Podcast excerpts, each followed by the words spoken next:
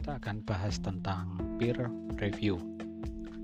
Peer review adalah sebuah proses pada saat kita mengirimkan sebuah artikel dari paper kita ke sebuah penerbit atau publisher dari sebuah jurnal.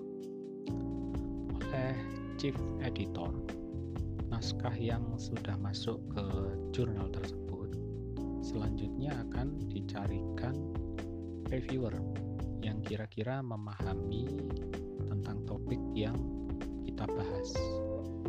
Nah, nanti biasanya ada juga yang namanya blind reviewer.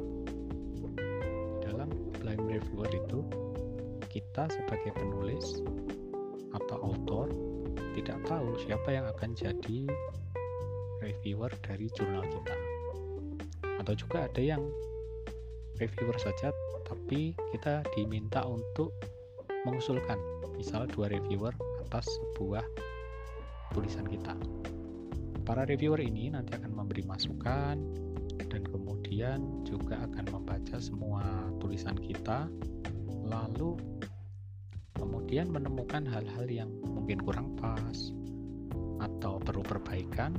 Bahkan bisa juga dia menolak atau mereject karya kita misalnya karena tidak memenuhi standar ilmiah yang sudah ditetapkan.